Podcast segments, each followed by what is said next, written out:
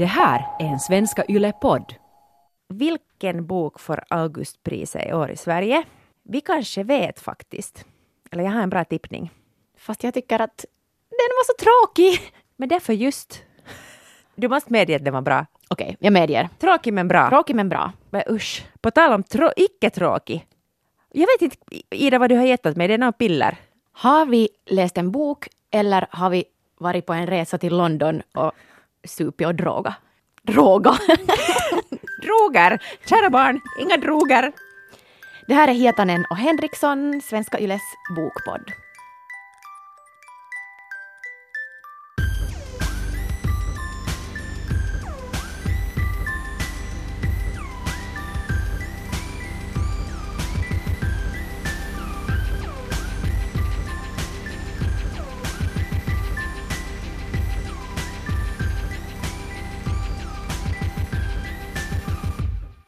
Idag har vi två helt sinsemellan olika böcker. Det är lite som att man i ena handen skulle ha en japansk trädgård som har borstats till perfektion under tusen år, åtminstone tusen år. Och i den andra handen så har man en vild blomsteräng där alla blommor blommar, de blommar hela tiden och baren är öppen och det serveras äh, drinkar och speed från morgon till kväll och på natten. Ljuvligt, Anne.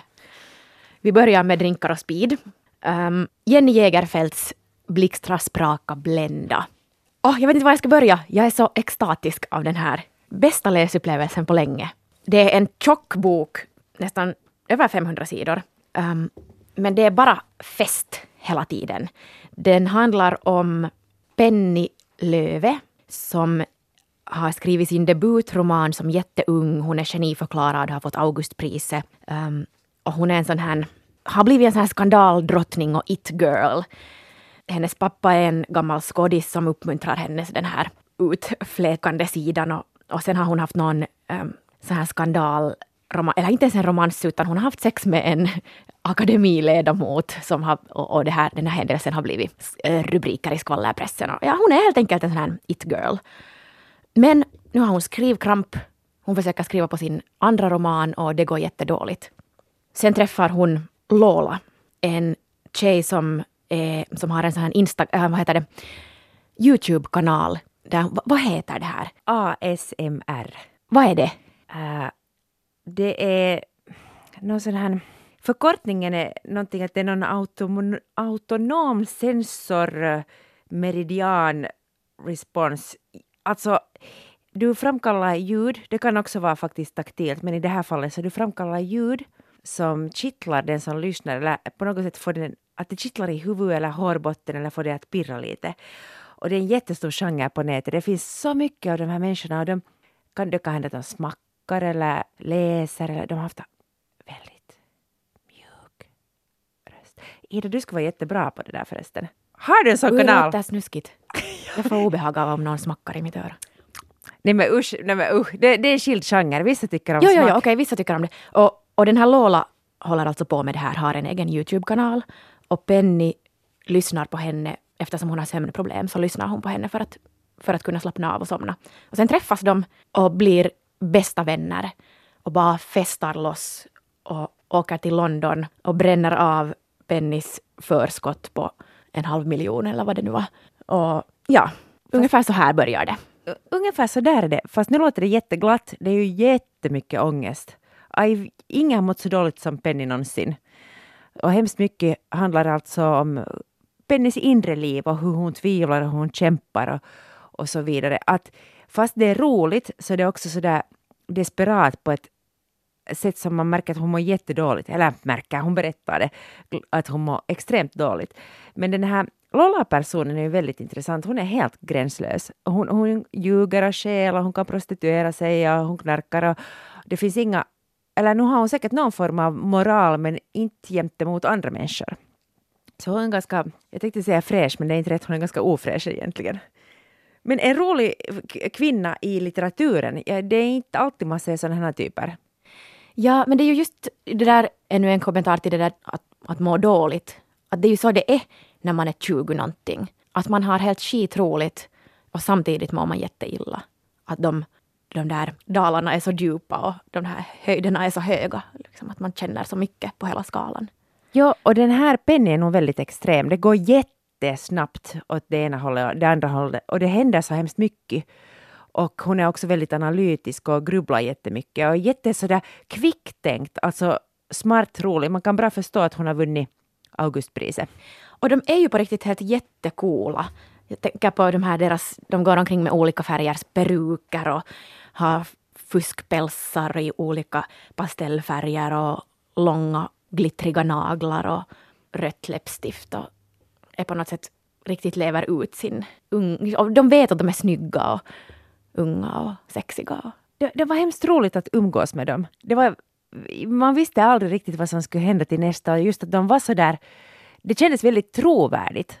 Och jag tror att det är väldigt svårt att skriva trovärdigt om de här typerna, men de kändes på riktigt och äkta. Det var inte så där pinsamt att nu har en äldre dam skrivit om två unga tjejer, utan det kändes väldigt nutida.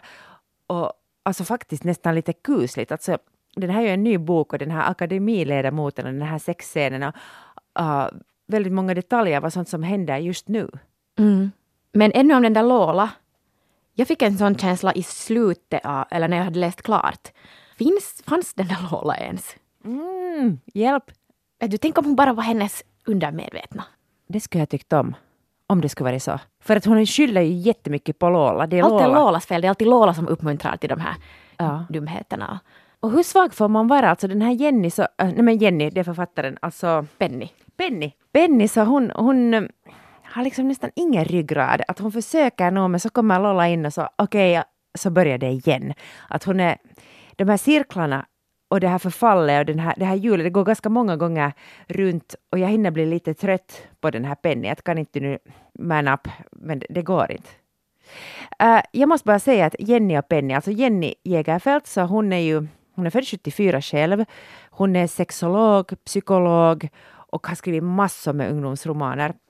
Hon har själv ADHD och har sagt att hon har själv missbrukat jättemycket droger och utsatt sig själv för väldigt många farliga situationer i sitt liv. Helt enkelt för att kunna stå ut med sina känslor och få ett utlopp. Och det låter ju, jag tror ju absolut inte att de är samma personer, men jag tror att det är därför det känns så jätteautentiskt att Jenny Jägerfeld har varit med om liknande saker.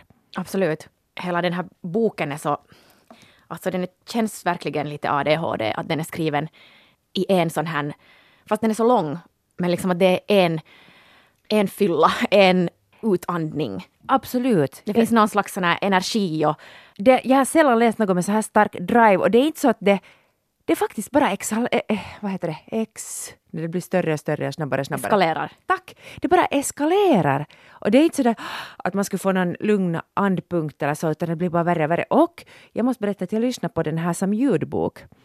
Och det är ju Eh, författaren själv som läser. Och hon läser inte, utan hon lever varje mening. Hon är extremt intensiv när hon läser. Så det var, det var, jag blev nästan lite slut av att lyssna och det var så många bra meningar, alltså det var så alltså helt utmattande att lyssna på. Och sen eftersom jag ännu hade lite bråttom så måste jag ibland lyssna med dubbel hastighet. Så väldigt, uh, man känner sig lite överkörd efteråt. Ja, sen en så jag trodde faktiskt det var en ungdomsroman eftersom hon har skrivit så många ungdomsromaner. Men den här är, är mera vuxen roman.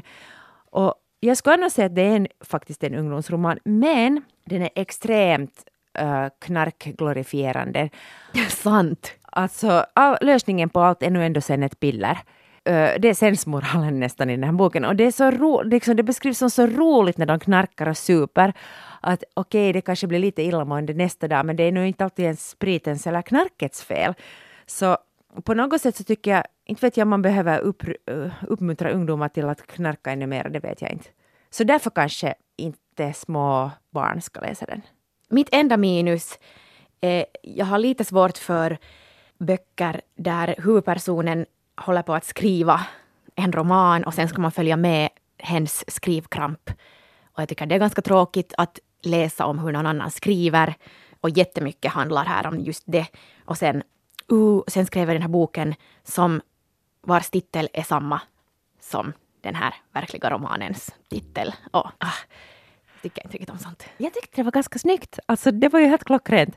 Den, den detaljen. Och sen så jag erkänner, jag, jag har också svårt när folk skriver för mycket om skrivande. Att det behöver jag inte läsa nu mer om. Men det här var nu, om det ska skrivas om det, så var det här ju helt genialiskt. Det kändes oerhört äkta. Och sen var det också ganska intressanta frågor om konstnärskap och skrivande och äganderätt till sin egen text som kom fram i den här. Att det var väldigt många diskussioner som hon behandlade eh, också på ett metaplan som kändes ganska intelligenta. Jepp, och, och, och just att den var så samtida att de här akademiledamoterna och den här pappan som har varit en skådespelare på Dramaten och lalala, liksom att det finns den här äldre generationens syn på vad som är konst och sen finns det den här nya som suddar ut gränser mellan jaget och verket och vad, vad är sociala medier och vad är liksom att den, ja, det var nog jätte 2018. Alltså det är som att hon skulle ha skrivit den här i förrgår, så up to date var den. Ganska, ganska fräscha karaktärer. Och det där som vi pratade om lite för något avsnitt sen om att, att kvinnor får vara dåliga och ruttna och själviska och barnsliga. Och, och de var ju verkligen i huvudrollen, de här kvinnorna. En sak som kanske var lite tråkigt ändå, eller var det bara realistiskt, att hemskt mycket kretsar kring män. Att jag tycker att, att de kanske inte ens skulle ha behövt vara där så hemskt mycket. Jag tyckte det var roligt att, att den här mannen, alltså nej med pappan, så han hade förhållande med både kvinnor och män och det var inte så stor grej och mamman var gift med en annan kvinna, det var inte så stor grej. Jag tycker att Penny och eh, Lola ska kunna funka helt bra som en duo utan de här männen som är där runt omkring. Det blev ju lite som ett spel för dem. Att de här männen var som små spelbrickor som de Äh, förhöll, förhöll sig till eller inte förhöll sig till och lekte med dem. Att det var ju ändå de själva och deras egen njutning som var i huvudrollen. Och de här männen var liksom biroller. Att på ett sätt tyckte jag att det var, om man nu ska skriva om heterokärlek eller heteroförhållanden, vilket man såklart får och ska, så, så var det här ganska fräscht. Och sen det, att det var ändå deras, och, och de är alltså helt, båda de här kvinnorna heterosexuella, men ändå har de en så, deras vänskap är ändå mer än platonisk. Och den här närheten och att de lever i en sån symbios och de rent av nästan blir en och samma. Och den fysiska närheten. Och det tyckte jag var fint att, att var går sen gränsen mellan vänskap och, och någon, någon annan slags kärlek och måste det finnas någon gräns så måste, hur måste man definiera det. Och just sån, mm, den där vänskapen som kanske bara kan finnas när man är riktigt ung och inte behöver tänka på någon annan än på sig själv. Jag hade flera gånger som jag tyckte det blev för tungt att vara inne i Pennys ångest för att det var så skickligt skrivet att jag nästan själv upplevde ångest och tänkte att skulle det kunna komma lite verklighet och omvärld in ibland? Men det gjorde det inte. Men sen så tänkte jag att de är i den åldern där det ofta inte kommer, utan, eller jag vet inte, jag har åtminstone själv haft sådana otroligt världsfrånvända faser där min, min ångest och mitt liv är så stort att fast det skulle vara ett världskrig runt hörnet så kunde inte jag bry mig. Ja, att allt annat är bara backdroppen ja. till dina känslor. Ja, det var snyggt sagt. Så, just så. Ska vi gå över till liksom lite andra saker? Yes. Den här japanska trädgården väntar på oss. Nu lugnar vi ner oss. Vi talade ju om att Penny i den här förra boken hade fått Augustpriset och den 28 oktober så får man reda på vilka som är nominerade. Och jag tänker åtminstone själv att, att Augustpriset kanske får ännu lite större tyngd det här året. Och jag, har, jag, nästan, jag har nästan lust att säga att jag äter upp min hatt om inte Agnes Lidbeck och Förlåten eh, är på listan. Jag, jag tror det faktiskt. Eh, I korthet så är det alltså Agnes Lidbecks andra roman. Hon har skrivit poesi tidigare och det kanske inte förvånar en när man läser den här uppföljaren. Det blir en trilogi, den kommer på våren. Och eh, förlåten handlar om två systrar, Ellen och Maria, som åker ut till landet för att dödsstäda efter sin pappa. Och det här är ungefär det som, som vi jobbar med. Men det som den här boken kanske då undersöker är eh, hur de känner för varandra och hur de jämför sig med varandra och kanske och vad de säger till varandra. Men framförallt det vad de inte säger. Så den undersöker alltså en syskonrelation. Alltså förlåt, men att ta den här boken, ni börjar läsa den direkt efter Blixtra spraka blända. Ah, så tråkigt! Jag vet inte, utgångspunkten känns så lågmäld och jag var bara kanske helt fel sinnesstämning. Jag hade också genast när jag började, men det var inte den här, men med en annan bok efter den här som vi läste och pratade om just så, så var det som att flyttas till en annan planet för att det hade varit som att det hade varit full volym, alltså 120 decibel och sen skulle det börja viskas. och, och det är lite svårt att, att göra den här switchen jättesnabbt. Mm, så jag kan förstå det. Eh, jag läste den här på sommaren och eh, jag fick jättestarka bilder av det här landstället och att det här, den här dödsstädningen det är sånt som man kanske pratar ganska mycket mer om nu för tiden. Att jag städar undan efter människor som har lämnat oss. Och, och den kändes jätteäkta och viktig för mig, den här boken. Och sen det där att de här syskonrelationerna, inte de är ju alltid svåra, men oftast är de svåra och om de är svåra så blir det så mycket lager, så mycket svårigheter som man aldrig kommer att kunna lösa. Och faktum är att jag hörde häromdagen en, en bekant sa att den människan som du tillsammans har upplevt ett trauma med, låt säga då i barndomen, så med den människan kommer du aldrig att kunna lösa det där trauma. För att ni har båda varit inne i det. Så det där med att prata ut med ett syskon kan vara omöjligt. Ah, vad intressant. Ja, du ska, du ska inte göra med den som var med i traumat med dig, utan med någon utomstående. Just det, för att man lindas bara djupare in dit. Superintressant. Jag älskar de här korta konstaterande meningarna och torrheten i Agnes Lidbecks berättande som på ett sätt i sin ganska objektiva ton blir full av nyanser och känslor. Och att jag, sen när jag, jag kom in i den så blev jag nog jätteberörd. Stilistiskt får den tusen poäng av mig. Hon arbetar så att hon, hon skriver, skriver, skriver, skriver och sen stryker, stryker, stryker. Och jag tycker om den här luckorna, just som du sa, att det är det där objektiva konstaterande. Och alla de här luckorna gör att jag själv fyller i och arbetar, jag arbetar ihop med författaren för att bygga den där histori historien. Och det kräver ganska mycket av en som läsare att bygga den här historien tillsammans för att det är så mycket, så mycket outtalat. Och det här leder också till det att, att um, varje persons läsning blir ju extremt individuell. Att vi kanske, fast vi har läst samma bok, så har vi säkert läst ändå helt olika böcker. Och det tycker jag är fint, att man skapar tillsammans med författaren. Sen tyckte jag kanske lite att de här syskonen blev onödigt karikerade i sina, liksom att de var som motsatser till varandra. Två olika versioner av vad kvinnor ska eller kan vara. Att måste vara, ena är mamma, den andra är barnlös, ena är fattig, andra är rik, ena är smal, andra är tjock. Liksom. Vet du vad Ida, det där är ditt huvud. Det är inte sant. Det, man vet inte att Maria är tjock. Nej men hon känner sig åtminstone tjock. Det är sant. Men hon är... Och tänker hela tiden på sin vikt. Det är sant. Och hon... ryms inte in i några byxor. Men hon är kanske inte tjock. Sant. Agne, alltså jag intervjuade Agnes Lidbeck och hon berättade att hon var förvånad över att alla sa att hon är tjock. Hon sa att, att det behöver inte alls vara så. Bra poäng. Men jo, jag, tyvärr, alltså jag är lite böjd att hålla med att varför måste de vara så otroligt olika? Samtidigt som jag tänker sådär i många sådana syskonkonstellationer som jag känner till så blir det ofta så att när man pratar, åtminstone när man pratar om varandra, så framhäver man de där motsatserna. Vi är så olika, man ska aldrig tro att vi är samma föräldrar. Att, mm, no, om jag, men jag tycker också att det var kanske... Men okej, okay, det där är sant faktiskt, nu när du säger det.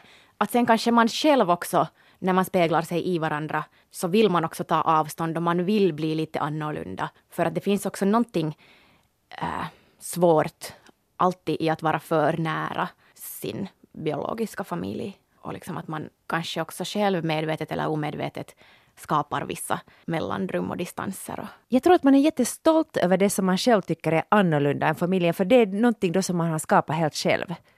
Och därför just framhäver att... Mm. Ja, ja. Sant! Och det här är det bästa! Nu blir den här boken jättemycket bättre för mig när jag pratar med dig. Men så är det ju alltid med oss, är inte så? Mm. I synnerhet om det är sådana här... Den är ju lite mer mångbottnad på något sätt. Mm. Det, eller hur ska jag säga, det, det, är fel att säga, man kan inte jämföra. Nu pratar vi verkligen om två olika böcker.